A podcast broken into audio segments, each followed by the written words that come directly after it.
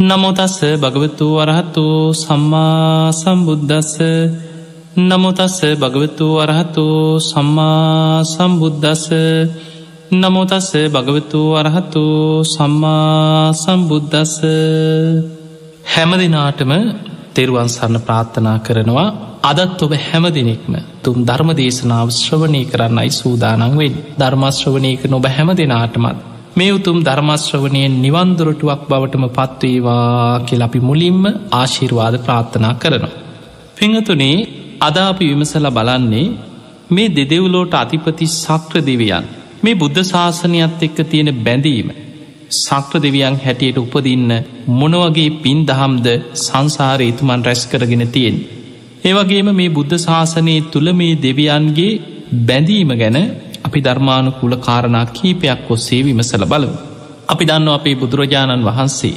උන්වහන්සේ පිරිනිවන් පාන වෙලාවේ සක්‍රදිවියන්ට පිරිනිවන් මංචකේ තුළ වැඩඉඳලම පතිට්ටිස්සති දේවෙන්ද ලංකායම් මම ශාසන. සක්‍ර දේවේන්ද්‍රය තතාගතයන් වහන්සේගේ පිරිනිවන් පෑමෙන් පසුව. මගේ බුද්ධ ශාසනී මේ ලංකා භූමිය තුළ බොහෝ කාලයක් පිහිටනො. ඒ බුද්ධ ශාසනය ආරක්ෂාව වෙනුවෙන් ඔබ උපකාර කරන්න ඉදිරිපත් වෙන්න කියලා සක්‍ර දෙවියන්ට මේ කාරණය පවරපු බව දීගනිකාය අට්ට කතාව සඳහන් වෙනවා.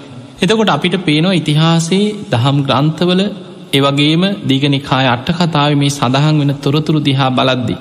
බුදුරජාණන් වහන්සේ දැන් දෙවිවරු අතරින් ගත්තත් බොහෝ වෙලාවට මේ සක්‍ර දෙවියන් බුද්ධ ශාසනයත් එක්ක විශාල බැඳීමක් තිබුණා. දීර්ඝ සංසාර ගමනේ අපේ බෝසතාණන් වහන්සේ පාරමී පුරාගෙන පුරාගෙන එනකොට. උන්වහන්සේට පාරමී සම්පූර්ණ කරගන්න සක්‍රදිවියන් තමයි බොහෝ උපකාර කරන්න. එක අවස්ථාවක සඳහන් වෙනවා අපේ බෝසතාණන් වහන්සේ එදා දහම් සොඩ නමින් රජකංකරපු කාලේ. ඒ වෙනකොට බුද්ධ ශූන්‍ය කාලයක්. බුදු කෙනෙක් ගැන ධර්මයක් අඩුගානක භික්‍ෂූන් වහන්සේ නමක්කත් උන්වහන්සේලාගේ දහතුන් වහන්සේ නමක්කත් කිසිම චෛත්‍යයක් මනුස්සලෝක කිසිම දෙයක් නැති බුද්ධ ශූන්‍ය කාලයක්. මේ බුද්ධ ශූන්‍ය කාලය අපේ බෝසතාණන් වහන්සේ දෙව්ලොවී මනුලවට ඇවිල්ලා දහම් සොඩ නමින් රජකම් කරන්නට ඒදුවන්. හැබැයි මේ පාරමී පුරාගණෙන මහා පින් ඇති බෝසතාණන් වහන්සේලාගේ සංසාර පුරුදු අනුව බොහොම ධර්මිෂ්ට රජ කෙනෙක් හැටියට එදා රජකං කරන. බුදු කෙනෙක් නැති වුනත් මිනිස්සු අතර කතාවක් තියෙනවා අතීත කාලි ඉස්සර මේ විදිහ බුදුවරු ලෝකෙ පහළ වනාලු ඒ බුදුරජාණන් වහන්සේලා මෙහෙම ධර්මයක් අවබෝධ කරගෙන මනුස්්‍යයන්ට දේශනා කරාල්ලු ඒ බනහල ඒ කාලෙ හිටපු බොහෝ පිරිසක් සංසාරදුකින් මිදුනාල්ලු නමුත් බණපදයක් දන්න කෙනෙක්කට ලෝකෙ නෑ කටකතාවක් තියෙන. එතකොට මේ අදහස දවසක් රාජ සභාවේ ඔය ඉන්න පිරිස අතර බ්‍රාහ්නුවරු කතාවෙද්දී දහම් සොන්ට රජ්ජුරුවන්ටත් ආසාාවක් ඇති වුණා. අනේ මටත්. ඒ අතීත වැඩහිටිය බුදු කෙනෙක්ගේ බණපදයක් ඇසේවා ඇසේවා. මටත් ඒ බණපදයක් අහන්න තියෙනවනම් කොච්චර දෙයක්ද? රජ්ජුරුව මොකද කරේ? මාලිගාව තිබ්බ වටිනාම වස්තුව රන්රිදී මුතු මැනික්වලින් විශාල ප්‍රමාණයක් මාලිගාව ඉදිරිපිට මණ්ඩපයක් හදලා ගොඩ ගහලා අනබෙරකරුවම් පිටත් කර. ගමක් නගරයක් පාස ආණ්ඩබෙර ගැස්සෙව්වා. කවුරු හරි බණපදයක් දන්න කෙනෙක් ඒ දහම් පදේ රජ්ජුරුවන්ට ඇවිල්ල කියල දෙනවනං මේ වස්තුව තෑගි කරනවා කියලා අඩබෙර ගැහු. හැම්ම තැනම අඩබෙර ගහගෙන ගහගෙන දවස් ගානක් ගම් නියවම් ගම්පුර අඩබෙර ගැහුවා. එක බණපදයක් දන්න කෙනෙක් හොයාගන්න බැරිවුණ. ඊළඟට රජ්ජුරුව මේ වස්තුව දෙගුණ කරා තෙගුණ කරා. එහෙමත් අඩබෙර ගැහුවා ඒත් කෙනෙක් හොයාගන්න බැරිවුණා. අවසානය කල්පනා කරලා ඊළඟ අඩබෙරේ ඇරියා අවසාන අඩබෙරේ කවුරු හරි බණපදයක් කියල දෙනවනං මේ රාජ්‍යමුණත් ඔහුට තෑගි කරනවා. ඒ නිසා කවුරු හරි දන්න බණපදයක් අතීත හිටපු බුදු කෙනෙක්ගේ දහම් පදයක් කියලා දුන්නොත් දහම්සුන් රජ්ජුරුවන්ට රාජ්‍ය පවරනවා කියලා අඩබෙරයක් ගැහු. ඒත් කෙනෙක් නෑ. එදා කල්පනා වුණා බණපදයක් නොදන්න ලෝකෙක මන් රජකං කරනවට වඩා. අතීත වැඩ සිටිය බුදු කෙනෙක්ගේ බණපදයක් හොයාගෙන මං ඇවිදගෙන යනවා මේ රාජ්‍යෙන් මට වැඩක් නෑ කියලා රාජ්‍ය අතහැරලා මාලිගාව දිහාවත් බලන්න නැතුව එදා දහම්සොන් රජ්ජුරුව මාලිගාවෙන් එලියට බැහැල යනකොට නගරවාසීන් හඬා වැලපෙන්න්න පටන්ගත්. නමුත් ඒ කිසි දේකට රජ්ජුරුවන්ගේ ගමන නවත්තන්න බැරි වුණා. රජතුමා මහ වනාන්තරයට ගිහිල්ලා ඉශිවරු තාපසවරු හොය හොයා බුදු කෙනෙක්ගේ බණපදයක් දන්න කෙනෙක් හොය හොයා ඇවිදිනවා. ඒ කාලෙත් හිත වඩපු ඉශිවරු හිටිය තාපසවරු හිටිය දැන් ඔබ දන්න අපේ බුදුරජාණන් වහන්සේ පහළ වෙන්නත් පෙරයි ආලාර කාලා මුද්ද කරා පුත්ත වගේ අය ඒ කාලෙත් හිටිය. ඒ ඒ දර්ශනයන් තම තමන් විශ්වාස කරන දේවල් කියනවා හැබැයි අනේ අපි බුදු කෙනෙක්ගේ ධර්මයක් නම් දන්නෑ කියන. ඔහොම ඇවිදගෙන යනකොට දවසක් මහා කැලේදි හිතුනා කවුරු හරි මට බුදු කෙනෙක්ගේ ධර්මයක් කියල දෙනවනං මං ඔහුට මගේ ජීවිතය වනත් පූජ කරනවා. මට දැන් දෙන්න දෙයක් නෑ. මන් රාජ්‍යත් අතහැරපු කෙනෙ දැම් මට තියෙන මගේ ජීවිතය විතරයි. මං ජීවිතේ හරි පූජ කරනවා කියලා හිතුව. ඒ සිතුවිල්ල එනකොටම සක්‍ර දෙවියන්ට තමයි අරමුණුවෙන් සක්‍ර දෙවියන් හැම වෙලාවෙම පාරමී පුරණ බෝසතාණන් වහන්සේලා දිහා නෙත් යොමාගෙන දිවැස් යොමාගෙන බලාගෙන ඉන්නවා. පාරමී පුරාගෙන ලෝතුරා සම්බුද්ධත්වයට පත්වෙනකං.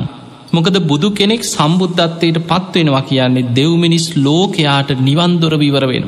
අසංකේය ගණන් සත්‍යයන්ට සංසාරදුකින් මිදෙන මාර්ගය බුද්ධත්වයට පත්වීමත් සමගම ලෝකෙ පහළ වෙන. පිංහතුනි බුදු කෙනෙක් පහළ වනහම මේ මනුස්සලෝකයින් අය විතරක් නිවන් දකිනවනෙමේ.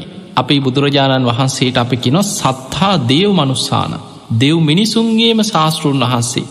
දෙවියන්ට නිවන් මඟ පෙන්නන්නෙත් බුදුරජාණන් වහන්සේමයි. ඒ නිසා පාරමී පුරණ බුද්ධත්වය කරා සසර මහා කැපකිරීම් කරගෙන යන බෝධිසත්වයන් වහන්සේලාට ඒ පාරමී සම්පූර්ණ කරගන්න බොහෝ උපකාර කරන්නේ සක් දෙවිදයක් සක්‍ර දෙවියන්. එදා මේ සක්‍ර දෙවියන්ට අරමුණ වනා බෝසතාණන් වහන්සේ පරමත්ත පාරමිතාව පුරන්න සූදානන් වෙනවා. ඊට මං උපකාර කළ යුතුයි කියලා ඒ සැනින් දෙව්ලොවින් ඇවිල්ලා විශාල යක්ෂේගේ රූපයක් මවාගෙන සුරූපය විශාල යක්ෂයෙක් විදිහට වෙස් වලාගත්. එහෙම වෙස්වලාගෙන දහම්සුන් රජ්ජුරුව කැලේ ඇවිදගෙන යනකොට රජ්ජුරුව ඉස්සරහට මතු වුණ මතු වෙලා කිව ඔබ හොය හොය යනදේ මන් දන්නවා. අතීතෙ වැඩහිටිය බොහෝ කාලෙකට පෙර ලෝකෙ හිටපු බුදු කෙනෙක්ගේ බණපද කීපයක් මන්නන් දන්නවාකි. එතකොට දහම්සුට රජ්ජුරුවන්ට පුදුමාකාර සතුටක් ඇති වුණ අනේ මං හොයනදේ මේ යක්ෂය දන්නවා නේද. අනේ මට කියල දෙන්න ඉල්ල ඕන දෙයක් දෙන්නම් කියෝ. එතකොට මේ යක්ෂය කියන මං හොඳටම බඩකින්න ඉන්නේ. මං කිසිම ආහාරයක් ඔයාගන්න බැරිවුණා මට දවස් ගානකි. මන් දැඟ බෝ මරාගෙන කනව කියෝ. එතකොට දහම්සුල් රජ්ජුරුවන්ට ඒත් බයක් ඇතිවුන්නෑ මොකද තමන්ගේ ජීවිතේම දැම් පූජ කරන්න වනත් කැමති ධර්මය වෙනුවේ. දහම්සුල් රජ්ජුරුව කියනවා හරි. හැබැයි ඔබ මාව මරාගෙන කෑවොත් බණහන්න කෙනෙක් නෑ ඉස්සල්ලා මට බණපදේ කියලදෙන්. මට ඒ ධර්මය කියලදීලා ඉවර වෙලා පස්සෙ මාව මරාගෙන කන්න කියව. ධර්මය අහල මැරුණත් කමක් නෑ කියලා හිත හදාගත්. හැබැයි ඒ වෙලාවේ අපේ බෝසතාණන් වහන්සේ දහම්සොන් රජ්ජුරු කල්පනා කරලා කියනවා ඔබ මට බණටික කියල මාව මරාගෙන කන්න. හිතකොට යක්ෂය කිව්ව නෑ. අපි මෙහෙම තැනකටෙම බ බණටික හල පැනල දිව්වොත් එහෙම. එතකොට මට අල්ලගන්න බැරි වෙනවා. මට ඔබ විශ්වාසනෑ කියෝ එහෙමනම් අන්න අර පේන විශාල ගල් පරොත්තේ උඩට කැමතිනම් නගන්න කිය බණපදයක් අහන්න කැමතින. මේක උඩයි නම් පහලට පනින්න ඒ ටික ඇති මන් දන්න එක ගාථාවයි එක බණපද කීපයයි මං කෑගහල කියන්නම් කිය. ඒ බණපදයක් අහගෙනම පහලට පනින්න කිය. මගේ කටටම් පනින්න කිය. අවසාන එකඟ වුණා. දැම් බලන්න ධර්මය වෙනුවෙන් කැපකිරීම් කරන බෝධි සත්‍යයන් වහන්සේලගේ ස්භාවේ අර ගල් පරොත්තේ උඩට නගින්නේ පියවරෙන් පියවර අතීතෙ වැඩ සිටිය බුදු කෙනෙක්ගේ බණපදයක් මට ඇසේවා ඇසේවා. ඒ ධර්මය වෙනුවෙන් මගේ ජීවිතේම පූජාවේවා පූජාවේවා කියකින් නැග්ග උඩට නැගගෙන නැගගෙන බොහොම අමාරුවෙන් අර පරොත්ත මුදුනට නැගලා පහල බලනකොට විශාල යක්සේ කට ඇරගෙන ඉන්නවා ගලේ පහල. ඒ වෙලාවේ අධිෂ්ඨානයක් ඇතිකරගත් අතීත බුදුවරුන්ට මගේ ජීවිතය පූජාවේවා. ඒ අතීත වැඩ සිටිය බුදුවරුන්ගේ ධර්මයට මගේ ජීවිතයේ පූජාවේවා. ඒ අතීත බුදුවරයන් වහන්සේලාගේ බණපද මට ඇසේවා ඒ ධර්මය වෙනුවෙන් මගේ ජීවිතේම පූජාවේවා කියල පැන්න පල්ලෙහත්. එහෙම පනින්නකොට අර විශාල යක්ෂයෙක් වගේ වෙස්වලාගෙන කටඇරගෙන හිටියේ සක්‍ර දෙවිය. පහලට පනිනකොටම සක්‍ර දෙවියන් ඒ සුරූපේම යක්ෂවේශය අතහැරල දිවිය සුරූපේම පෙනීන්දල අහසට පැනනැගලා අහස්සෙදිම දෑතිීම බෝස්ථානන් වහන්සේ අතට අරගෙන. තමන්ගේ ඉරදි බලයෙන් දෙව්ලෝටම එක්කං ගිය. සක්‍ර දෙවියන්ගේ ආසනයේ තමයි පණ්ඩු කම්බල කියෙන සයිලාසනි. සක්‍ර දෙවියන්ට පහළ වෙච්ච බොහෝම පින්වන්ත දිවිය සුරූපෙන් සක්‍ර දෙවියන් දෙව්ලෝ වැඩඉන්නකොට සක්‍ර දෙවියන්ගේ දිවිය මාලිගා වගේම දිවිය උයන් දිවිය විමාන ගැන බොහොම ලස්සන තොරතුරු දේශනාවල සඳහන් වෙන. එතකොට සක්‍ර දෙවියන් වාඩිවෙන මේ ආසනී තමයි පණ්ඩු කම්බල කියල හඳුන්වන මේ ආසනි. මේ ආසනීම තමන්ගේ ආසනීම වඩා හිඳවලා බොහෝම ගෞරවෙන් අතීත බුදුවරයන් වහන්සේලාගේ ධර්මී කියල දුන්න. ඒ ධර්මය උගන්නලා සක්‍ර දෙවියන් ආයමත් ගෙනහල් අපේ බෝසතාණන් වහන්සේව රාජ්‍යයේ පිහිටවල ගිය. එදකොට බලන්න පිංහතුනේ මේ පරමත්ත පාරමිතාව පුරණ බෝසතාණන් වහන්සේලාට සසර පාරමී පුරණ බොහෝ ආත්මවල ඔය විතරක් නෙමේ ඔබ ජාතක පොත් වහන්සේ කියවනවන. ඔබට ජාතක කතා අධ්‍යයනය කරගෙන යනකොට බොහෝ තැන්වල සක්‍ර දෙවියන් බෝසතාණන් වහන්සේට පාරමී පුරන් උපකාර කරපු තොරොත්තුරු විස්තර රැසක් ඔබට මුණ ගැහෙනු. ඔබ දන්න අපේ බෝසතාණන් වහන්සේ පාරමී පුරාගෙන පුරාගෙන ඇවිල්ලා. උන්වහන්සේ එදා දෙව්ලොව ඉපදිලා ඉන්නකොට. එදා පාරමී සම්පූර්ණයි කියෙන අදහසින් තුසිත දෙව්ලෝ ඉපදුන. ඒ වෙනකොට අපේ බෝසතාණන් වහන්සේ බුදුවරු විසි හතර නමකගෙන් විවරණ ලබල. කාශ්‍යප බුදුරජාණන් වහන්සේගෙනුත් විවරණ ලබාගෙන හිටිය. මහා සුදස්සන නමෙන් සක්විති රජකං කරලා පාරමී පුරාගෙන දෙව්ලෝ ඉපදිලා හිටිය. ඒ වෙලේ සක්‍ර දෙවියම් බැලුවා බෝසතාණන් වහන්සේ දැන් තුසිත දෙව්ලෝ ඉපදිලා. බුද්ධත්වයේ පිණිස පාරමී සියල්ල සම්පූර්ණයි. අනෙක් සියල්ල සම්පූර්ණ වනත් දාන පාරමිතාව කොටසක් තාම ඉතුරුයි. එවෙලේ සක්‍ර දෙවියන් තමන්ගේ අගමෙහෙසිකාව හැටියට එදා දෙව්ලෝ ඉපදිලා හිටිය කල්ප ලක්ෂයක් පෙරුම්පුරාගෙන යන දිව්‍යාංගනාව බුදුවෙන ආත්මෙ මව් පදවිය ලබන් විධාන කරා මනුලොවට ගිහිල්ලා ජයතුරාපුර කුසතිී දේවී හැටියට උපදින්න කියලා. ඒ වෙලාවි දේවිය කියන අනේ සක් දෙවිඳුන ඇයි මගේ මොනොහරි වැරැද්දක් වෙලාද මාව මේ අගමෙහෙසි තනතුරයෙන් මනුලවට යවන්න හදන්. ඒ වෙලාවෙන් නෑ බෝසතාණන් වහන්සේට පාරමී පුරන්නයි ඔබයි සුදුසු කෙනා ඔබයි පෙරුම්පුරාගෙන යන්නේ කල්ප ලක්ෂයක්. ඒ වෙලාව වර දහයක් ඉල්ලගෙන මනුලොවටාව. ඒ වගේම තුසිත දෙව්ලොව හිටපු බෝසතාණන් වහන්සේ නමක් හැටියට පෙරුම් පුරනවා බුදුවෙන ආත්මේ පිය පදවිය ලබන්න පෙරුම් පුරාගෙන යන බෝධි සත්ව කෙනෙ සක්‍ර දෙවියම්ම ගිහිල්ල විධාන කරා මනුලොවට ගිහිල්ලක් සංජීතයන රජ්ජුරුව හැටියට උපදින්. එතකොට මේ වගේ සක්‍ර දෙවියෝ තමයි මේ බෝසතාණන් වහන්සේලාට මේ සැලසුම හදන් හදලා ඒ අය මනුලවට එවල නියමිත කාල එනකොට සක්‍ර දෙවියන් දෙවියන් පිරිවරාගෙන ගිහි ආරාධනයක් කරා මහාවීරයන් වහන්ස. ඔබහන්සිට දැන් කාලයයි. ඔබහන්සේගේ පාරමී ධර්ම අතර දාන පාරමිතාව කොටසක් තාම ඉතිරි වෙලා තියෙනවා. ඒ දාන පාරමිතාව පරමත්ත පාරමිතාව පුරාගන්න ලූතුරා බුද්ධත්තේ පිණිස අන්න ඔබ කුසතිී දේවියකි කුස පිළිසිඳ ගන්න දැම් මනුලෝට වඩින්න කීව. ඒ වෙලා අපේ බෝසතාණන් වහන්සේ සක්‍රදිවියන්ගේ ආරාධනය පිළිගෙන තමයි දෙව්ලොවින් මනුලොවට වැඩම කරලා ඒ තමයි වෙස්සන්තරාත් දැන් ඔයි වෙස්සන්තර ආත්මි පවා හත්වාරයක් මහපොලෝ පවා කම්පා කර කර දන් දෙනකොට. ඔබ දන්නවා එදා සක්‍ර දෙවියන් තමයි තමන්ගේ දේවිය දරුව දෙන්න දන්දුන්නේ ජූතක බමුණට. ජූතක බමුණට දන්දුන්නට පස්සේ දැන් දන් දෙන්න තියෙන දේවිය විතරයි. එදා වෙස්සන්තර තාපසයන් වහන්සේ තවස්දාම් පුරමින් එදා මහ වනාන්තරයේ වැඩ ඉන්නකොට අවසාන දැන් දරුව දෙන්නත් දන්දීලා හිත හදාගෙන භාවනා කරගෙන අශ්ව සමාපත්ති දක්වා හිත හදාගෙන ඉන්නකොට එදා බ්‍රාහ්මණ වේසයක් දරාගෙන සක්‍ර දෙවියන් තමයි ඇවිල්ලා දේවිය ඉල්ලන්න. මේ පාරමී පුරන්නයි මේ උපකාර කරන්න. ඒ වෙලාවේ වෙස්සන්ත රජ්ජුරුවෝ දේවියගේ දෑත් අරගෙන අර බ්‍රාහ්මණයගේ අතමත තියලා පැන්කෙන්ඩි අරගෙන පැන් වඩලා මේ බ්‍රාහ්මණයට තමන්ගේ දේවිය දන් දෙනු. ඒ දේවිය දන්දුන්නට පස්සේ සක්‍ර දෙවියන් අර බ්‍රාහ්මණ වේසේ අතහැරලා එහෙම මහසට පැනනැගල කියනවා ස්වාමීනී ඔබවහන්සේගේ පාරමී දැන් සියල්ල සම්පූර්ණයි. දැම් මේ දේවී ඔබ දන්දුන්නේ මටයි. මේ දේවිය ඔබට මයිකි වයිති දැම්මං ඔබට දෙනවා ඔබයි කාටවත් දන් දෙන්න අවශ්‍ය නෑ දැන් ඔබේ පාරමී සියල්ල සම්පූර්ණයි කියලා සක්‍ර දෙවියන් අහස ඉඳන් සාධකාරදිදී දෙව්ලොවට යනවා. එතකොට අපිට පේනෝ මේ පාරමී පුරණ බෝසතාණන් වහන්සේලාට පාරමී ධර්ම පුරාගන්න උපකාර කරන පුදුමාකාර කෙනෙක් තමයි දෙදෙව්ලෝට අධිපති සක්‍ර දෙවියන් හැටියට අපි හඳුන්නන්.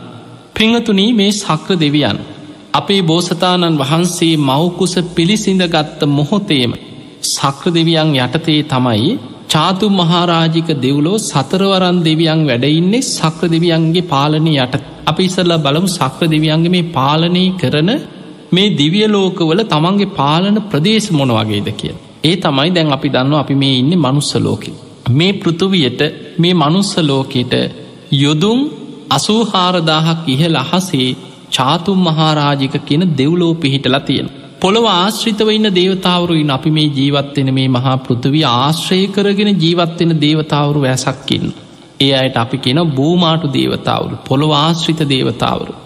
ඒ අයි අතරගත්ත හම ගස් විමාන කරගත්ත උක්ෂ දේවතාවරු ඉන්න කඳු පර්වත විමාන කරගත් දේවතාවරු ඉන්නවා ගංගා පොකුණු විමාන කරගන්න දේවතාවරු ඉන්න ඒ වගේම යම් යම් ප්‍රදේශ විමාන කරගත්ත බොහොම බල සම්පන්න දේවතාවරුයින් ඒ අයට ධර්මය ැන සීමස්තක දේවතාවරු. එතකොට මේ පොළොව ආශ්‍රිත දෙවියන්ගෙන් තමයි බොහෝ වෙලාවට මේ මනුස්සලෝක තියෙන තොරතුරු ඉහලට ඉහලට ඉහළ දෙව්ලෝවල්ලට ලැබෙන්. බූමාටු දෙවියු තමයි පණවිඩ අරගෙන යන්න ඉහලට. එතකොට මේ පොළොව මට්ටමෙන් ඉහල යොදුම් හත්තලිස් දෙදාහක් ඉහලින්. ඔබ හිතන්න යොදුනක් යනෙ සැතපුම් දාසයක් කිය. යොදුම් හතලිස් දෙදහ සැතපුම් වලින් වැඩි කරලා බලන් අන්න එතකොට එනවා සැතපුම් වලින් කොච්චරයිද. ඒ ප්‍රමාණය තවත් එකයි දසමහයෙන් වැඩිකරොත් ඔබට කිලෝමීටර් වලින් චාතු මහාරාජික දෙව්ලෝ තියෙන කොච්චර ඉහල අහසේද කියලා ඔබට මැනගන්න පුළුවන්. එතකොට පිංහතුනේ මනුස්සලෝක ඉඳං යොදුම් හතලිස් දෙදාහක් ඉහලින් තමයි චාතුම් මහාරාජික දෙව්ලෝ පිහිටලතිය. මේ දිවිය ලෝකෙ තමයි සතරවරම් දෙවියන් වැඩයි. උතුරු උතුරු දිසාව දකුණු දිසාව නැගෙනහිර දිසාව බටහිර දිසාව කියන මේ සතර දිසාවන්වලට අධිපති ප්‍රධාන වසයෙන් දේවතාවරු හතර දෙනෙක් මේ චාතුම් මහාරාජික දෙව්ලොව ඉඳගෙන සතර දිසා පාලනය කරනවා. ඒ තමයි විරූඩ විරූපාක්ෂ වෛශ්‍රවන රුදරාෂ්ට කියන මේ දේවතාවරු හතර දෙෙන. ඒ අය යටතේ මේ යක්ෂ නාග කුම්බාණ්ඩ ගහන්දරෝ කියන මේ අමනුස් සේනා පාලනය කරන්නේ මේ සතරවරන් දෙවිය.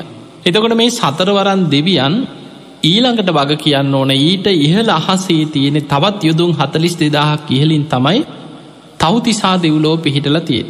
එහෙමනම් මනුස්සලෝක ඉනං ගත්තොත් තවතිසා දෙව්ලෝවට තියෙනවා යොදුම් අසූ හාරදාහ. මේ තවතිසා දිවිය ලෝකෙ තමයි සක්‍ර දෙවියන් වැඩයින්න. හැබැයි සක්‍ර දෙවියන් තවතිසා දෙව්ලොවත් චාතුම් මහාරාජික කියන මේ පොළො ආසන්නේ තියෙන දිවිය ලෝක දෙකේම අධිපති දෙවියන්. එනිසා තමයි අපි ඒ සක්‍ර දෙවියන්ව හඳුන්න්නන්නේ දෙදෙව්ලෝවට අධිපති කියල. මේ දිවිය ලෝක දෙකේම අධිපති දෙවියන් තමයි සක්‍ර දෙවියන්. හැබැයි සක්‍ර දෙවියන් ඊට ඉහළ දිවිය තලවලත් ඒ දෙවිවරු අතර යම් යම් ප්‍රශ්න විසඳනකොට යම් තීරණ ගන්නකොට ඊළඟට මේ සක්‍ර දෙවියන්ගේ තවතිසා දෙව්ලෝ තමයි සුධර්මාගෙන දිවිය සභාවතිය. මේ සුධර්මා දිවිය සභාවට සදව්ලෝම දෙවියන් එකතු වෙනවා කියනවා බණහන් ධර්මය කතා කරනවා ධර්ම සාකච්ඡා කරනවා මනුලෝ ඇතිවෙන යම් යම් ප්‍රශ්න ගැන දේව සභහවල්වල කතා වෙනවා තොරතුරු සාකච්ඡා කරනවා මේ වගේ දීර්ඝ විස්තර රැසක් දේශනාවල සඳහන් වෙනවා. පිංහතුනේ මේ මනුස්ස ලෝක අපි ගත්තහම අපිට තියනවා සතර පෝයක් කියලා අදනං දන්නේ නෑ සතර පෝයමකක්ද කියලා. බොහෝ වෙලාවට අද පසොලොස්සක පෝය ගැන විතරයි අපි කතාවේ. එදා බුදුරජාණන් වහන්සේගේ කාලේ මනුස්සලෝකේ පිරිස පුරුදු වෙලා හිටිය සතර පෝයට සිල්කන්. එතකොට මේ සතර පෝයට අවස්වලට දෙව්ලොවත් දෙවියන් සුධර්මා දිවිය සභාවට එකතු වෙන දවස තමයි සතර පෝයටම එකතු වෙනවා කිය. මේ සුධර්මා දිවිය සභාව රැස්වෙන්නේ සක්‍ර දෙවියන්ගේ මූලිකත්. තවතිසා දෙව්ලෝ සක්‍ර දෙවිය තමයි සුධර්මා දිවිය සභාව ප්‍රධාන දේවතාව.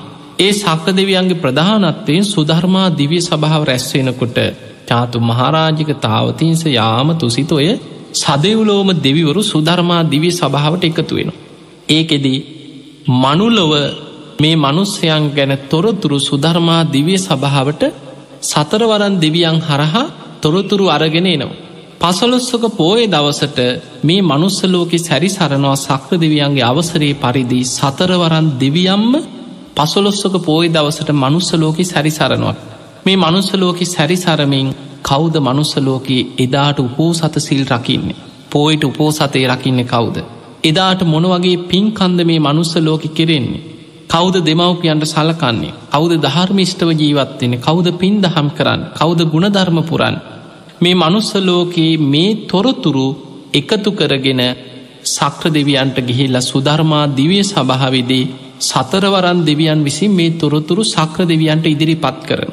අනිත් දෙවිවරුත් මේ තොරතුරු අහගෙන ඉඳලා ඒ පින්කං ගැන සාධකාර දිදී දෙවියන් සතුටු වෙනවා කියනවා. ඒ අනුමෝදන් වෙනවා.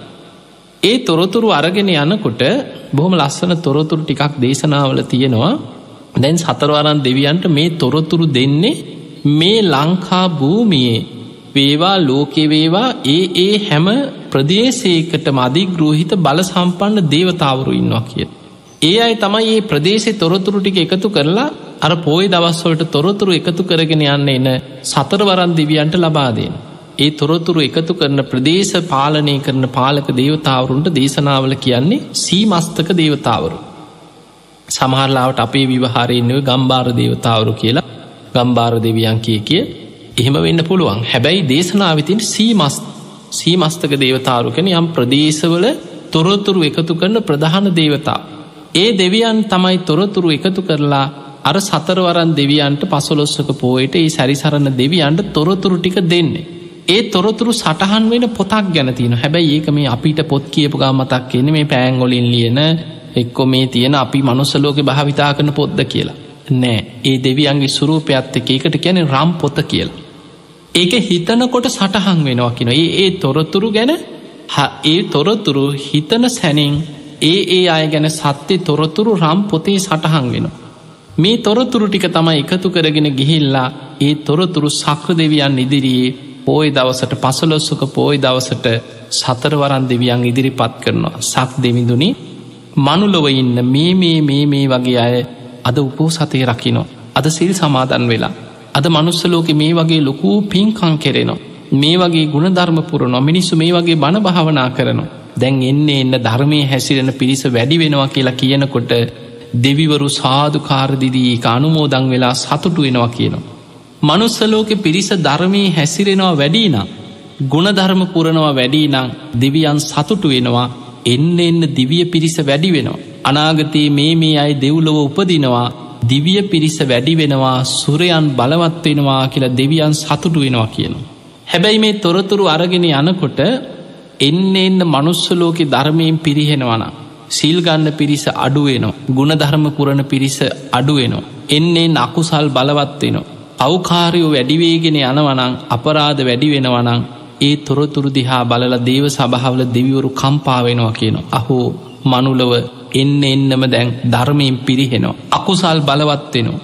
එන්න එන්නම දිවිය පිරිස අඩුවෙනවා අසුරයන් අනාගතයේ බලවත් වෙනවා දෙවියන්ගේ බලය පිරිහෙනවා කියල දෙවියන් කම්පාවෙනවා කියල්. අන්නේ තොරතුරු කල්තියාම දෙව්ලොවට එනාය ගැන දෙවිවරු තොරතුරු දැනගන්න තමයි මේ තොරතුරු එකතු කරගෙන යන් දැම් පසොලොස්සක පෝය දවසට සතරවරන් දෙවියන් සැරිසරනවා වගේම අනිත් පෝය දවස්වලට දිවිය පුත්තු මේ තොරතුරු එකතු කරගෙන යනවා කිය. ඒ සතරවරන් දෙවියන්ට ඉන්ද්‍ර නමින් දිවිය පුතුන් ඉන්නවා කියන. ඒ දිවිය පුත්තු මේ තොරතුරු එකතු කරගෙන යනවා. ඊළඟ පෝයට දිවි අමාත්‍යවරු සැරිසරනු. මේ තොරතුරු එකතු කරගෙන යනවා. ඊළඟට දිවිය සේනාධිපතිවරු සැරිසරනු. මේ විදිහට ඒ සතර පෝයටම මේ තොරතුරු එකතු කරගෙන ගිහිල්ලා සුධර්මා දිවිය සභාවෙදි සක්‍ර දෙවියන්ට මේවා ඉදිරි පත් කරන. එතකොට අපිට පේනවා සක්‍ර දෙවියන් කියන්නේ හැමවෙලේම මේ මනුස්සලෝකයේ පිරිස ගැන බොහොම අවධානයෙන් දෙවියන් සුධර්මා දිවිය සභාවෙදි මේ මනුලො අය ගැන කතාවෙන්. බුදුරජාණන් වහන්සේ දේශනා කරන මහනෙන කෙනෙක් ගිහි ජීවිතය අතහැරලා පැවිදිවෙන්න සූදානන් වෙනකොට දෙවිවරු සුධර්මා දිවිය සභාව ඔහු ගැන කතා වෙනවා කියනවා. ඔහු ගැන කතාවෙලා ඒ අය සතුටු වෙනවා කියනවා සක්‍ර දෙවියන් මේ මනුස්සලෝකෙ තොරතුරු එකතු කරගෙන ගිහිල්ලා ඒ ගැන කතා වෙනවා. ඊළඟට දේශනාවල සඳහන් වෙනවා කෙනෙක් පැවිදි වෙන්න සූදානන් වෙනකොට දෙවිවරු සතුටු වෙලා සුධර්මා දිවිය සභාවේ ප්‍රීතිගෝසා කරනවා කියනවා අන්න අසවල් කෙනා මේ ගිහි සැප සම්පත් අතහැරලා පංචකාමයන් අතහැරලා කෙලෙස් සටනට සූදානන් වෙනවා. අන්න තමන් කෙලෙස් සටනට සූදානන් වෙනවා පැවිදි වෙන්න සූදානන් වෙනවා කියල දෙවියන් ඒ ගැන කතා වෙනවා කියන. ඊළඟට ඒ කෙනා බණභාවනා කරනකොට එයා පැවිදි වෙලා සිල්ගුණ දහම් රකිමින් බණභාවනා කරමින් නිවන් අවබෝධ කරන්න වීරිය වඩනකොට දෙවරු ඒදිහාත් බලල සුධර්මා දිවිය සභාවි කතා වෙලා සතුටු වෙනවා කියන. කෙනෙක් භාවනා කළ සෝතාපන්න වෙච්ච දවසට දෙවියන් සුධර්මා දිවිය සභාව ඔහු ගැන කතා වෙනවා කියනවා. අන්න කෙලෙස් සටනේ පළවෙනි ප්‍රතිඵලයේ දිනාගත්තා. අසවල් කෙනා ධර්මය අවබෝධ කරගත්තා කියලා දෙවියන් දෙව්ලෝ කතා වෙනවා කිය. කෙනෙක් රහත් වෙනකොට දෙවරු සතුටු වෙලා ප්‍රීතිගෝසා කරමින් සුධර්මා දිවිය සභාව කතා වෙනවා අන්න අසවල් කෙනාද කෙලෙස් සටනින් දිනවා. ධර්මය අවබෝධ කරගත්තා කියලා දෙවියන් දෙව්ලෝ ඔහු ගැන කතා වෙනවාකින්. එතකොට අපිට පේනවා මේ මනුස්සලෝකයේ බණභාවනා කරන අය ගැන පැවිදිවෙන අය ගැන ධර්මය වඩනාය ගැන පෝයිට උපෝසතය රකිනාය ගැන ගුණධර්ම පුරණය ගැන සියලු තොරතුරු සක්‍ර දෙවියන් ඇතුළු දිවිය පිරිස අතරට යනවා. මේ ගැන දෙවුරු කතා වෙනවා. පිංහතුනි අපේ බුදුරජාණන් වහන්සේ උන්වහන්සේ බුද්ධත්වයට පත්වෙලා වැඩඉන්නකොට. ඔබ හිතන් එදා බෝසතාණන් වහන්සේ මවකුස පිළිසිඳගත්ත වෙලාවිම සක්‍ර දෙවියන් විධාන කරනවා සතරවරන් දෙවියන් හතර දෙනාටම ගිහිල්ලා බෝසත් අම්මගේ හතර පැත්තිෙන් ඉන්න දරුව බිහිවෙනකම් මාස දහයම සතරවරන් දෙවියන් හතර දෙනා තමයි හතර පැත්තෙන් ඉඳගෙන අම්මට ආරක්ෂාව සලසන්. බෝසතාණන් වහන්සේ උපදිනකොටම සක්‍ර දෙවියන් රන් දැලකින් පිළිගන්න ඉස්සරලා. එතකොට මනුලව බුද්ධත්වයට පත්වෙන්න පින් කරලා පාරමී පුරාගෙන එදා පින්වන්ත මහාමායා දේවිය කුසි. අපේ බෝසතාණන් වහන්සේ ලෝකට බිහිවෙනකොටම ඉස්සල්ලාම දරු අතට ගන්නේ සක්‍ර දෙවියන් රන් දැලකින් පිළිගන්න. ඊළඟට සතරවරන් දෙවියන්ගේ අතට පත් කරලා තමයි දේවියගේ අතට දෙන්නේ අත්තමනා දේවි හේතු අභිසන්තූ පුත්තෝ ලෝකෙ උපන්නු. දෙවිය බොහොම සතුරට පත්වෙන්න. මහා පින්වන්ත කුමාරයෙක් දැල්ලෝකෙ පහළ වනා කියලා සතුරට පත්වෙන්න කියලා දේවියගේ අතට දරුව දෙන්නේ සක්‍ර දෙවියන්ගේ අතින්. ඒ විතරක්න මේ පින්වතුනි අපි දැම් මේ මනුලොව චෛත්‍ය හදල වඳිනෝ. අද අපි චෛත්‍ය පින්කං කරනවා. අපි මේ මහා පින්කං කර කර චෛත්‍යවලට මල් පූජා කරමින් සුවඳදුම් පූජා කරමින් බුදුගුණ සිහිකර කර අපි බුදුරජාණන් වහන්සේ වෙනුවෙන් පින්කං කරනවා. හැබැයි මේ තුන් ලෝකෙම බුදුරජාණන් වහන්සේ වෙනුවෙන් ඉස්සල්ලාම පළවෙනිම චෛත්‍ය මවන්නේ බුදුවෙන්නත් පෙර සක්‍ර දෙවියන්. එතකොට අපිට පේනවා මේ සක්‍ර දෙවියෝ කියන්න මොන තරම් බුද්ධ ශාසනයත් එක්ක බැඳිච්ච කෙනෙක්ද. එදා අභිනිස්ක්‍රමණය කරපු දවසේ උන්වහන්සේ කෙස් වැටිය කපල අහසට වීසි කරනකොට ඒ කේෂ දහතුන් වහන්සේලා සියල්ල යොදුනක් ඉහ ලහසට පැනනැග්ග. උන්වහන්සේ අධිෂ්ඨානයක් කරා මට ඒ කාන්තෙන් බුද්ධත්වයට පත්වෙන්න ලැබේන. මේ කෙස් පොළොවට නොවැටේවා අහසීම රැඳීවා කියලා අධිෂ්ඨාන කරනකොට ටික ටික පාවෙලා පාවෙලා අහස යොදුනක් කියලා අහසි කෙස් වැටියම අහසි නතර වුණ. සත්ව දෙවියන් රන් කරඩුවක් මවාගෙන මහා බෝසතාණන් වහන්සේගේ කේෂ දහතු සියල්ල රන් කරඩුවෙන් පිළිගත්තා. පිළි අරගෙන තවතිසා දෙවියන් සමඟ සාධකාරදී තවතිසා දෙව්ලොවට ගිහින් සිලුමිනි මහාසෑය නමින් දොළොස් යොදුනක් විශාල සටරුවනින් විශාල චෛත්‍යයක් දෙව්ලොව සක්‍ර දෙවියම් මවනෝ. ඒ සිළුමිනි මහා සෑය තුළ මහා බෝසතාණන් වහන්සේගේ කීෂ දහතුන් වහන්සේලා තැම්පත් කර. එතකොට අදටත් මහා බෝසතාණන් වහන්සේගේ දිගු කෙස් වැටිය කේෂධාතුන් වහන්සේලා තවතිසා දෙව්ලොව සිළුමිනි මහා සෑයි සක්‍ර දෙවියන් ඇතුළු දෙවියන් වන්දනා කරනවා. ඒ විතරක් නෙමේ ඔබ බලන්න අංගුත්තර නිකාය සඳහන් වෙනවා සත්තද පෙරනිමිති පේන්න පවා සැලැස්වී සක්‍ර දෙවියන් කියනවා. එතකොට අපිට පේනවා මේ බෝසතාණන් වහන්සේ නමක් පාරමී පුරාගෙන ගිහිල්ල බුදුවෙන ආත්මි පවා මොන්න තරං අවධානින් සක්‍ර දෙවියන්නේ පසු පස උපකාර කරන්න උදව් කරාද. ඒ වෙනකොට සුද්දෝදන් රජතුමාට ඕනැවුණේ බුදුවෙන බුදුපුතෙක් දකින්න නෙමේ. සුද්දෝදන් රජතුමා ආසාාවෙන් හිටියේ සක්විති රජ වෙනවා දකින්නයි තමන්ගේ පුතනුවන්. ඒ වෙනුවෙන් තමයි සියලු දේවල් කරේ රම්මි සුරම්මි සුභ මාලිගාවල් හැදුවේ. නගර හිටපු වයසකයි දුරුවලය ලෙඩවෙච්චාය මරණාසන්න විච්චාය ගැන තොරතුරක්කත් බෝසතාණන් වහන්සේගේ කනට ආරංචි නොවෙන විදිහට ආරක්ෂාව යුදෝලා තිබුණ. එදා අපේ බෝසතාණන් වහන්සේ නගරසිරි නරබන්න සූදානන් වෙනවානං ඉක්මනට ඊට පෙර පාර දෙපැත්ත ගැන සෝදිසි කෙරෙව්වා. පිරිස පාරවල්ලොලින් ඉවත් කරලා ලස්සන දේවල් පමණක් පේන සැලැස්වා. නිතර යනේන මාර්ග බොහොම ලස්සන්ට සරසලා තිබුණ. ඔය අතර නියමිත කාලේනකොට සක්‍ර දෙවියන්ගේ මැදිහත්වීම මත තමයි මහල්ලෙක් ලෙඩෙක් මළමිනියක් පැවිදිරුවක් කියන මේ සතර පෙරනිමිති පේන සලස්සන්න. එතකොට අපිට පේනවා දෙවියන් ඊට අවශ්‍ය පරිසරය හදල දෙනවා. මේ සියල්ලෙදී උන්වහන්සේට බුද්ධත්වය කරා යන ගමනට උපකාර කරපු ප්‍රධානම කෙනා තමයි සක් දෙවිඳු සක්‍ර දෙවියන් ඊළඟට පිංහතුනේ අපේ බෝසතාණන් වහන්සේ දුස්කරක්‍රියාවන් කරලා එදා සුජාතාවගේ කිරිපිඩුදානය වඳල සොත්තිය බමුණනාදී උස තනමිටි යටත් අරගෙන ඇසතු බෝධීන් වහන්සේ සිවනි නැගෙනහිර දිසාාවට මුහුණලා උන්වහන්සේ චතුරංග සමන්නාගත වීරයේ රාත්‍රී පළවෙනියාම පුබ්බේ නිවාසානුස්සතිඥානෙ දෙවනියාම චුතු පාතඥානයේ තුන්නෙනයාම පටිච සමුපාදය අනුලෝම ප්‍රතිලෝම වසින් විමසල අවසන් වෙනකුට හිමිදිරි උදෑසන මරුණෝදයක් සමඟ හිත කෙලෙසුන්ගේ මිදිල සම්මා සම්බුද්ධත්වයට පත්වෙනවා. බුද්ධත්වයට පත්වෙච්ච තැන ඉදං උන්වහන්සේගේ ජීවිතයේ දිහා බැලුවත් සක්‍ර දෙවියන් ඇතුළු මේ දෙවිවරු පුද්දුම විදිහට උන්වහන්සේත් එක්ක බැලිච්ච උපකාර කරන තොරතුරු රැසක් දේශනාවල තියෙනවා.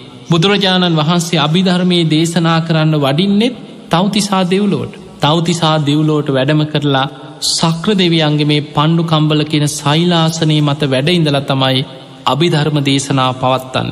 එදකොට මේ අභිධර්ම දේශනාව සක්‍ර දෙවියන් ඇතුළු එදා තවතිසා දෙවියන් චාතු මහරාජික තාවතින්ස යාම තුසිත නිම්මාන් රති මේ විදිහට මේ දෙවියන් සුධර්මා දිවිය සභාව යොදුම් ගානක් ඈතට දෙවියන්ගෙන් පිරිලගයා කිර මේ ගැන බොහොම ලස්සන සිදුවීමක් තියෙනවා. එදා බුදුරජාණන් වහන්සේ අභිධර්ම දේශනාව කරන්න තවතිසා දෙව්ලෝට වැඩම කරලා සක්‍ර දෙවියන්ගේ පණ්ඩු කම්බල සයිලාසනය මත වැඩඉන්නකොට අංකුර කියලා දේවතාවේ බොහෝම සතුටින් ඉස්සරහිම් ඇවිල්ල වාඩි වුණා බණහන්. බුදුරජාණන් වහන්සේ ළඟින්ම ඉස්සරහින් ඇවිල්ල වාඩිව. හැබැයි මේ අංකුර දේවතාවා ආසාාවෙන් ඉස්සරහිම් බණහන් ඇවිල වාඩි වුණාට ටික වෙලාවකින් මහේශාක්‍ය දෙවිවරු දිවිය සේනා පිරිවරාගෙන ඒ ඒ දෙව්ලොවින් එනවා සුධර්මා දිවිය සභාවට. ඒ ඒ දෙව්වරු එනකොට තමන්ට වඩා මහේශාක්‍ය දේවතාවරු වෙනකොට අර දෙවියන් ටික ටික පස්සට යනවා. ටිකක් පස්සට ගිහි ලරායට ඉස්සරහ ඉඩ දෙනවා. ඊළඟට දේවතාවරු පිරිසක් එනකොට තමන්ට වඩා බලවත් ඒ අයට ඉඩදීල තව ටිකක් පස්සට යන. මෙහෙම මෙහෙම පස්සෙන් පස්සට පස්සෙන් පස්සට ගිහිලා යොදුන් දොළහක් තරං ඈතට යවුණ කිය. එතකොට අපිට පේනවා මොන තරන් දෙවිවරු එදා මේ දේශනා වහන්න දිවියලෝක රැස්වෙන් නැද්ද කියලා. අංකුර දෙවියන්ම යුදුන් දොළහක් තරං ඈතට ඈතට යවුණ කියන. බුදුරජාණන් වහන්සේ අභිධර්ම දේශනාව පටන්ගන්න පෙර අංකුර දෙවියන්ගේ අහනව අංකුර. ඔබ බොහෝ දම්පින්කං කරගත්ත කෙනෙක් නේද මනුලෝ. ඔබ මහා දං වැටවල් පවත්වපු කෙනෙක්. ඇයි ඔබට අද ඔය තරං යොදුන් දොළහක් තරං ඈත ඉඳගෙන බණහන්න සිද්ධ වුණේ ඇයි කිය ලැහුව. එතකොට අංකුර දෙවියන් කින ස්වාමීනී භාගතුන් වහන්ස මම එදා මනුලොවදි මහා දං වැටවල් පැවැත්තුව. මං දුගී මගේ යාචකයන්ට විශාල දන්සැල් පවත්වල දන් දුන්න. හැබැයි මං මනුලොවේ දං වැටවල් පැවැත්වී බුද්ධ ශූන්‍ය කාලෙක්. ඒ කාලෙ මගේ දානී පිළිගන්න එකාරයන් වහන්සේ නමක්කත් මනුලොව හිටිය නෑ. බුද්ධ ශූන්‍ය කාලයකයි මංගේ දං වැටවල් පැවැත්වී. නමුත් ස්වාමීනී භාග්‍යතුන් වහන්සෝ ඔය ඔබහන්සේ ළඟ ඉස්සරහිම්ම ඉන්න ඉන්දක දෙවියන් දිහා බලන්නකි. ඒ වෙනකොට ඉස්සරහිම්ම ඉන්නවා ඉන්දක කියල දේවතාවේ. ඔය ඉන්දක දෙවියන් එක බත් හැන්දයි කියන පූජ කරලා තියෙන්. ඒ පූජ කරේ ආරයන් වහන්සේ නමකට කීවා. මහරහත්තන් වහන්සේ නමකට බුද්ධ ශාසනයක කර්ම කරම්පල දැනගෙන ලෞකික සම්මාධිට්ටි ඇති කරගෙන බොහොම සද්ධාවෙක් එක බත් හැන්දක් පූජ කරලා තමයි ඔය ඉස්සරහිම වාඩි වෙලාද බණහන්. ස්වාමීනී භාග්‍යතුන් වහස මම මනුලව හිටියේ හර්ම කරම්පල් විශ්වාසයක් නැති පින් පව් දන්නේ නැති කාලෙක්. හැබැයි එවැනි කාලෙක මන් දන් දුන්නා මං මහා දං වැටවල් පැවැත්තුවා ඒ පිනෙම් මන් දෙව්ලව ඉපදුනා. හැබැයි මගේ දානෙ මහත්ඵල මහානිසංස කරගන්න ආරයන් වහන්සේ නමක් ඒ කාලෙ මට ලැබුන් නෑ කියන. එතකොට අපිට පේනවා මොන තරන් දෙවිවරු එදා සුධර්මාත් දිවිය සභාවට මේ අභිධර්ම දේශනාව ශ්‍රවණය කරන්න එකතුනාද. පිංහතුනේ අද මේ වැඩඉන්න සක්‍ර දෙවියන් පෘතජ්ජන කෙනෙක් නෙමේ. සක්‍ර දෙවියන් කියන්නේ සෝතා පන්න පලට පත්වෙච්ච කෙනෙ. එදා අපේ බුදුරජාණන් වහන්සේ දෙව්ලෝ වැඩඉන්ද සක්‍ර දෙවියන් දිහා බුදුරජාණන් වහන්සේ දවසක් බුදු ඇසිම් බැලුවා සක්‍ර දෙවියන්ගේ දැන් ආවිෂ ගෙවිල් අවසන්වේගෙනනවා. ඒ දෙව්ලොව දෙවිවරුන්ට දිවි ආවිශක්තියනවා. ඒ දෙවියන්ගේ දිවි ආවිශ්‍ය දැන් ගෙවිල් අවසන් වේගෙන යෙන්නේ. බුදුරජාණන් වහන්සේට සිතුවිල්ලක් ඇති වුණා සක්‍ර දෙවියන්ට දහම් දෙසන්න තියෙනවා. චක්තේවයන් ගැන හිතනකොටම සක්‍ර දෙවියන්ටත් සිතුවිල්ලක් ඇති වුණා මං බුදුරජාණන් වහන්සේ මුණ ගැහෙන්න යන්න ඕන්. එදා බුදුරජාණන් වහන්සේ මුණ ගැහෙන්න දිවිය පිරිස් පිරිවරාගෙන සක්‍ර දෙවියන්ගෙනවා. බුදුරජාණන් වහන්සේ සක්‍ර දෙවියන්ට දීර්ඝ දේශනාවක් ධර්ම සාකච්ඡාවක් කරන මේක තියෙන දීගනිකායි සක්ක පං්ඥ කියල සූට්‍ර එක. මේ දේශනාව අවසන් වෙනකොටම සක්‍ර දෙවියන් සෝතාපන්න පලයට පත් වනා සෝවාන් පලයට පත්වෙනවා සමගම සක්‍ර දෙවියන්ගේ සක්‍ර ආයුස අවසන් වෙලා එතනම චුත වෙලා ආයමත් සක්‍රිය වෙලාම පහළ වුණාලුතේ. එතකොට එදා බුදුරජාණන් වහන්සේ ඒ පිහිට වෙච්ච නිසා. ඔහු පෘතජ්ජන මට්ටමින් දෙව්ලොවින් චුත වෙලා යන්න ඉඩ නොදී බුදුරජාණන් වහන්සේ සක්‍ර දෙවියන්ට පිහිට වුණා මාර්ග පලයක් ලබා. බුදුරජාණන් වහන්සේ සක්‍ර දෙවියන්ට පිහිට වුණා මාර්ග පලයක් ලබාගන්න. එදා සක්‍ර දෙවියන් උතුම් සෝවාන් පලයට පත් වන. ඒ සෝවාන් පලයට පත්වෙනවා සමගම ආයමත් සක්‍රිය වෙලාම ඒ දෙව්ලෝ පහළ වුණ. එතකොට අද මේ වැඩ ඉන්න සක්‍ර දෙවියන්ට ආයමත් මුලයිදම්ම ඒ දිවි ආයුෂ ඒ විදිහටම සැලසුන. පිංහතුනි අපේ බුදුරජාණන් වහන්සේ එදා පිරිනිවන් පාන මොහොතේ සාක්‍ර දෙවියන්ට කතා කරලා කියනවා පතිට්ටිස්සති දේවෙන්ද ලංකායම් මම ශාසන. සක්‍ර දේවේන්ද්‍රය මගේ බුද්ධ ශාසනී මේ ලංකා භූමිය තුළ බොහෝ කාලයක් ආරක්ෂාවෙන. තතාගතයන් වහන්සේගේ පිරිනිවන් පෑමෙන් පසුව බුද්ධ ශාසනය ආරක්ෂාවෙනුවෙන් උපකාර කරන්න කියල සක්‍ර දෙවියන්ට පැවරුව. ඊළඟට ඔබ දන්නවා දහතුන් වහන්සේලා බෙදන වෙලාවේ. අපි බුදුරජාණන් වහන්සේ පිරිනිවන් පාල දහතුන් වහන්සේලා බෙදන වෙලාවේ ද්‍රෝණ බමුණා එක් දකුණු දළදා වහන්සේ නමක් ජටාවි හංගගත්. මේ ජටාව හංගගත දකුණු දළදා වහන්සේ සක්‍ර දෙවියන් තමයි ඒ වෙලාවේ දෙවියන් අහසේ පිරිලා ඉතිරිලා හිටියා මේ ධාතුන් වහන්සේලා බෙදනකොට සාධකාර දිදී රන් දෙන විවර කරපු වෙලාවේ අහසේ පිරිලා ඉතිරිලා දෙවිවරු බලාගෙන හිටිය. මේ දෙවියන් අතරින් සක්‍ර දෙවියන් බැලුවා ද්‍රෝණ බමුණ ජටාව හංගගත්තට මේ දළදා වහන්සේ. ද්‍රෝණ බමුණට මේ දළදා වහන්සේට සත්කාර කරන්න ගෞරව දක්වන්න පුද පූජා පවත්වන්න පුළුවන් කෙනෙක්ද.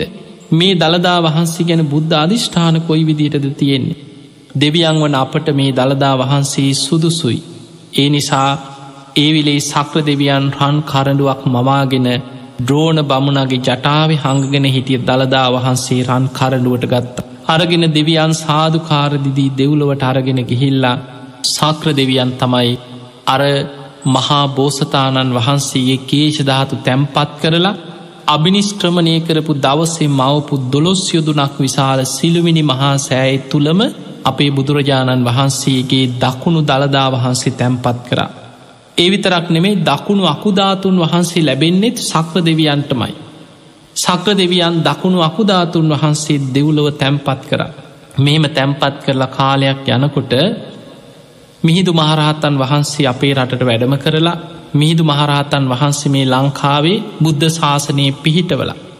පළවෙනි වස්කාලේ මිහින් තලේ අට සැටලෙන් කියල අපි හඳුන්නන මේ ගල්ලෙංවල මිහිදු මහරහත්තන් වහන්සේ ඇතුළු එදා වැඩම කරපු රහතන් වහන්සේලාත් ලංකාවෙන් බණහල රහත්වෙච්ච අයත් මේ පිරිස පළවෙනි වස්කාලෙ ගත කරලා. එදා දේවානම්පී තිස්ස රජ්ජුරුවන්ට වස් පවාරණය කරලා කියනවා රජතුමනී අපි දැල් ලංකාවට ඇවිල්ල බොහෝ කාලයක්. අපිට අපේ ශාස්තෘන් වහන්සේ වැස් දෙකින් දකින්න බැරිවුණ. අපි දමදිවට යායුතුයකි. එතකොට තමයි දේවානම් පෙතිස් රජ්ජුරු වහනේ ස්වාමීනී ඔබහන්සේලාගේ ශාස්තෘන් වහන්සේ බුදුරජාණන් වහන්සේ පිරිනිවන් පාලනේද දැන් කොහොම දැස් දෙකින් දකිින්. එතකොට මිහිදු මහරහතන් වහන්සේ කින රජතුමනි බුදුරජාණන් වහන්සේ දැක්ක වගේ ධාතුන් වහන්සේලා දැකීම. ඒ ධාතුන් වහන්සේලා දඹදිය වැඩඉන්නවා. ඒ ධාතුන් වහන්සේලට වන්දනා කිරීම ජීවමාන බුදු හාදුරන්ට වන්දනා කර හා සමානයි. එවෙලේ තමයි රජ්ජුරුව කියන්න අනේ ස්වාමිනි එහෙමනං ඒ ධාතුන් වහන්සේලා මේ ලංකා භූමියටත් වඩම්මල දෙන්න. ඒ ධාතුන් වහන්සේලාට මං බොහෝම සද්ධාවෙන් පුද පූජා කරන්න. ඔබහන්සගේ අවසරී පරිදි මං වෙහෙර විහාරස්ථාන ඉදි කරන්නම් කියලා. එදා ඔය මත ඒ ඒ වෙලා මෙහිදු මහරත්තන් වහන්සකින එහෙමනා රජතුමනි අද මේ අනුරාධපුර නගරයේ දිවියපුරයක් සියඔබ සරසන්න කියෝ. සරසලා ඔබ හවස්වරුවේ ඔබේ රාජකීය මංගල ඇතාපිට නැගල පෙරහැරින් එන්න ධාතුන් වහන්සේලා වඩම්මල දෙන්න. එහෙම කියල රජ්ජුරුව පිටත් කරලා මිහිදු මහරහතන් වහන්සේ සුමන සාමනිරයන් වහන්සේට කියනවා ඔබ දෙව්ලොවට යන්න. ගිහිල සක්‍ර දෙවියන්ට කියන්න බුදුරජාණන් වහන්සේ ඔබට ලංකා භූමියයේ බුද්ධ ශාසනය ආරක්ෂාව පැවරුව පිරිනිවන් පාන මොහොතේ.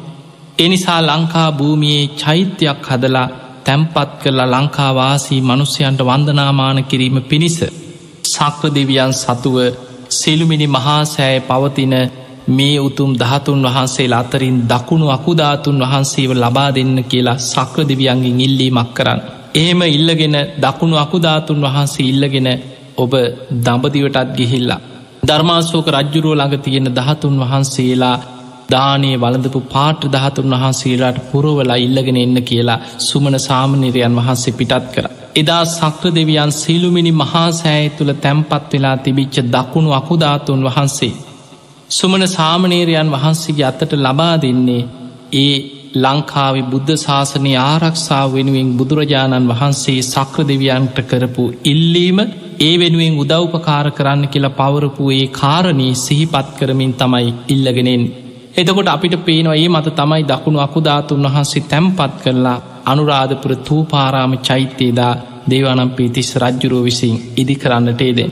පිංහතුනේ මේ කාරණාදිහා බලාගෙන යනකොට අපිට පේනවා සක්‍ර දෙවියෝ මොන තරං මේ බුද්ධ ශාසනයත් එක්ක බැඳිච්ච කෙනෙක්ද.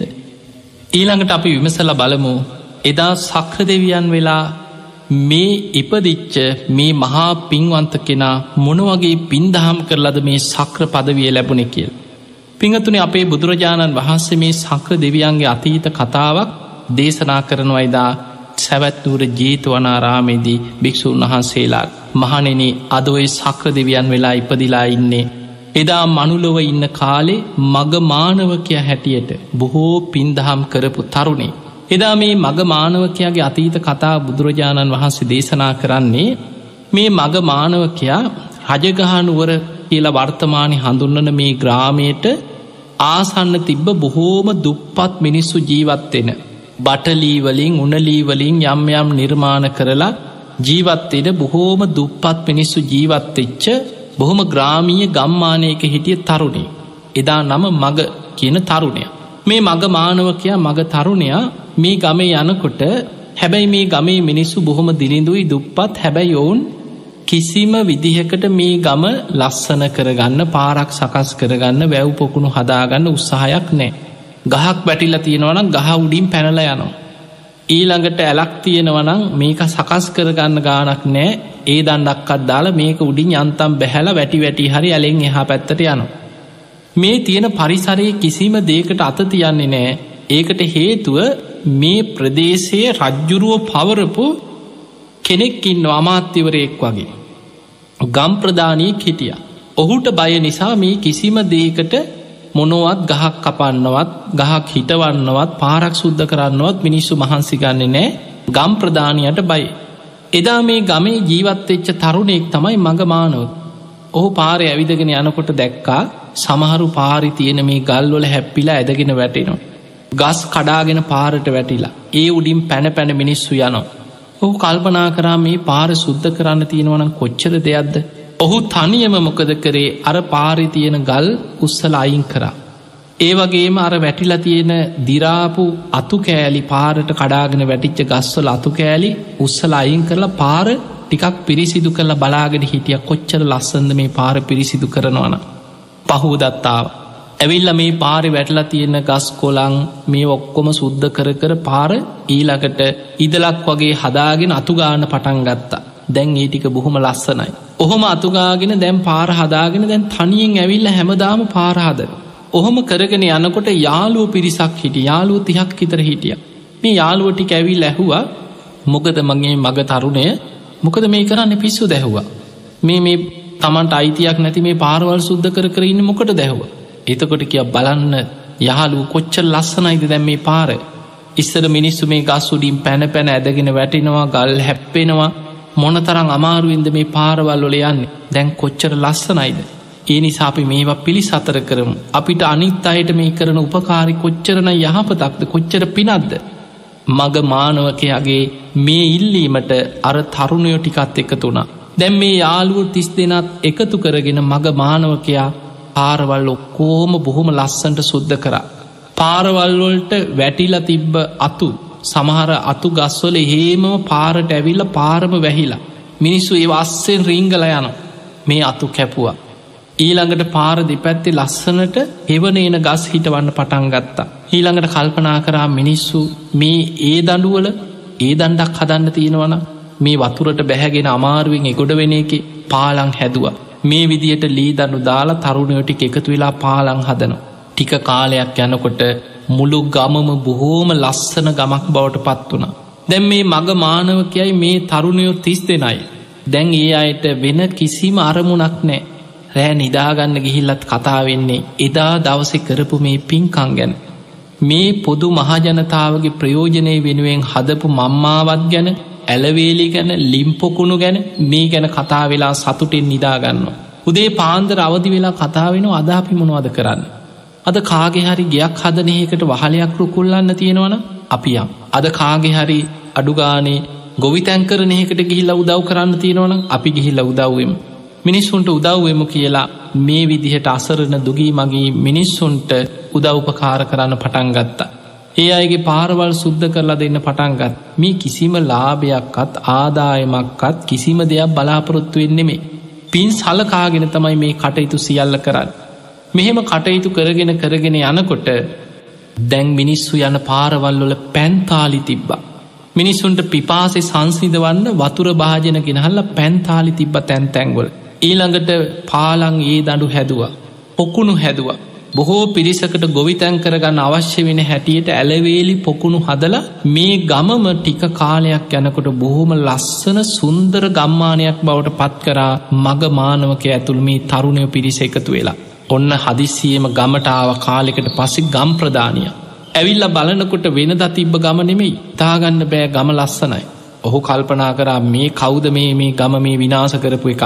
රජ්ජුරුවන්ට ගිහිල්ලා කියලා මොහුට දඩුවන් කරන්න ඕන කියලා ඔහු ගිහිල්ල රජ්ජුරුවන්ට වැරදි විදිහට කේලමක් ගොතල කිව්වා. රජතුමනි අර මගේ පාලන ප්‍රදේශයේ තියෙන අසවල් ගම්මානේ මග කියලා තරුණයකුයි යාලුව ටිකයි එකතු වෙලා මුළු ගමම විනාස කරලා කිව. ගස් කොලං කපලා සම්පූර්ණ ඇලවේලි හදලා මේවෑ වතුර මාරවල් වෙනස් කරලා මුළු ගමම විනාස කරලා දාලා කිව පාරවල් ඔක්කොම.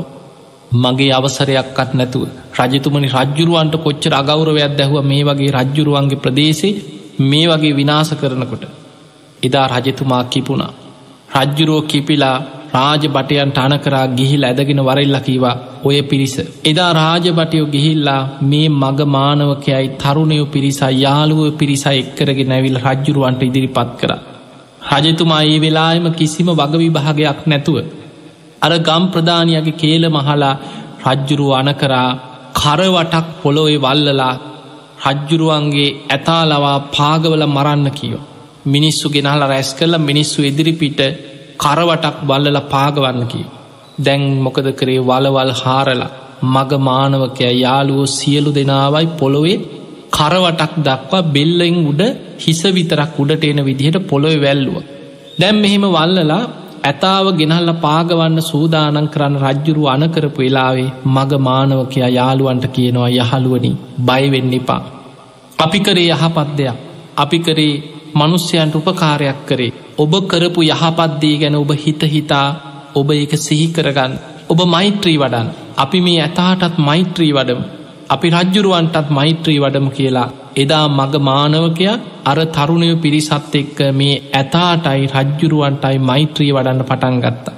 හිස පාගන්න ළඟට ආපු ඇතා එහෙම කෑගහගෙන ආපස්සට දීව. ඇතාට බැරිවුණා ලංවෙන්.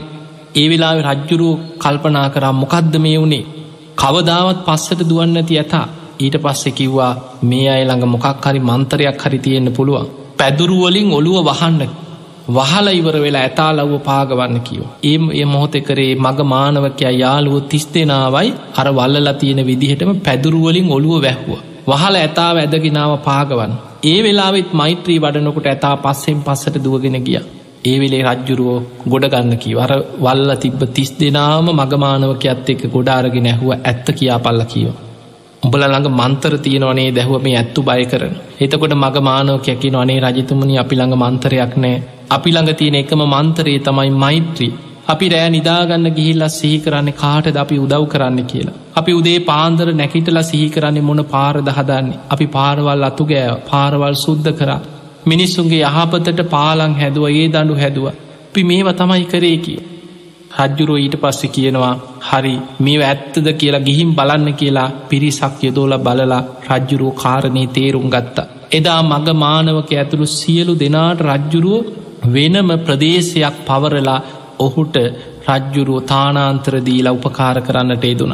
එදා මේ මගමානවකයත් යාළුව තිස් දෙනත් එකතු වෙලා බොහෝ පිරිසකට උපකාර වෙන විදිහට පොදු මාර්ග මහාමාර්ග මිනිස්සු යන පාරවල් පැන්තාලි වැව්පොකුණු මේව හදලා. ඊළඟට තමන්ගේ දෙමවපියන්ට ඇප උපකාර කරලා. සිල් ගුණ දහම් රැකලා ගුණධර්ම පුරලා එදා රැස්කරගත්ත පිනෙන් තමයි කීවා ඔය සක්‍ර දෙවියෝ වෙලා මගමානවකයක් දෙව්ලෝ පහළ වුණේ. අද වැඩඉන්න සක්‍ර දෙවියන් සක් දෙවිද්දු පදවිය ලබන්නේ එදා මනුස්සලෝක මගමානවකය වෙලා ඉන්න කාලෙ ඔය රැස්කරගත්ත පින නිසා එනිසා පිංවතුනේ ඒ සක්‍ර දෙවියම්ම තමයි අද උතුම් සුවාන් පලයට පත්වෙච්ච දෙදෙව්ලොවට අධිපති සක්‍ර දෙවියන් හැටියට වැඩයින්.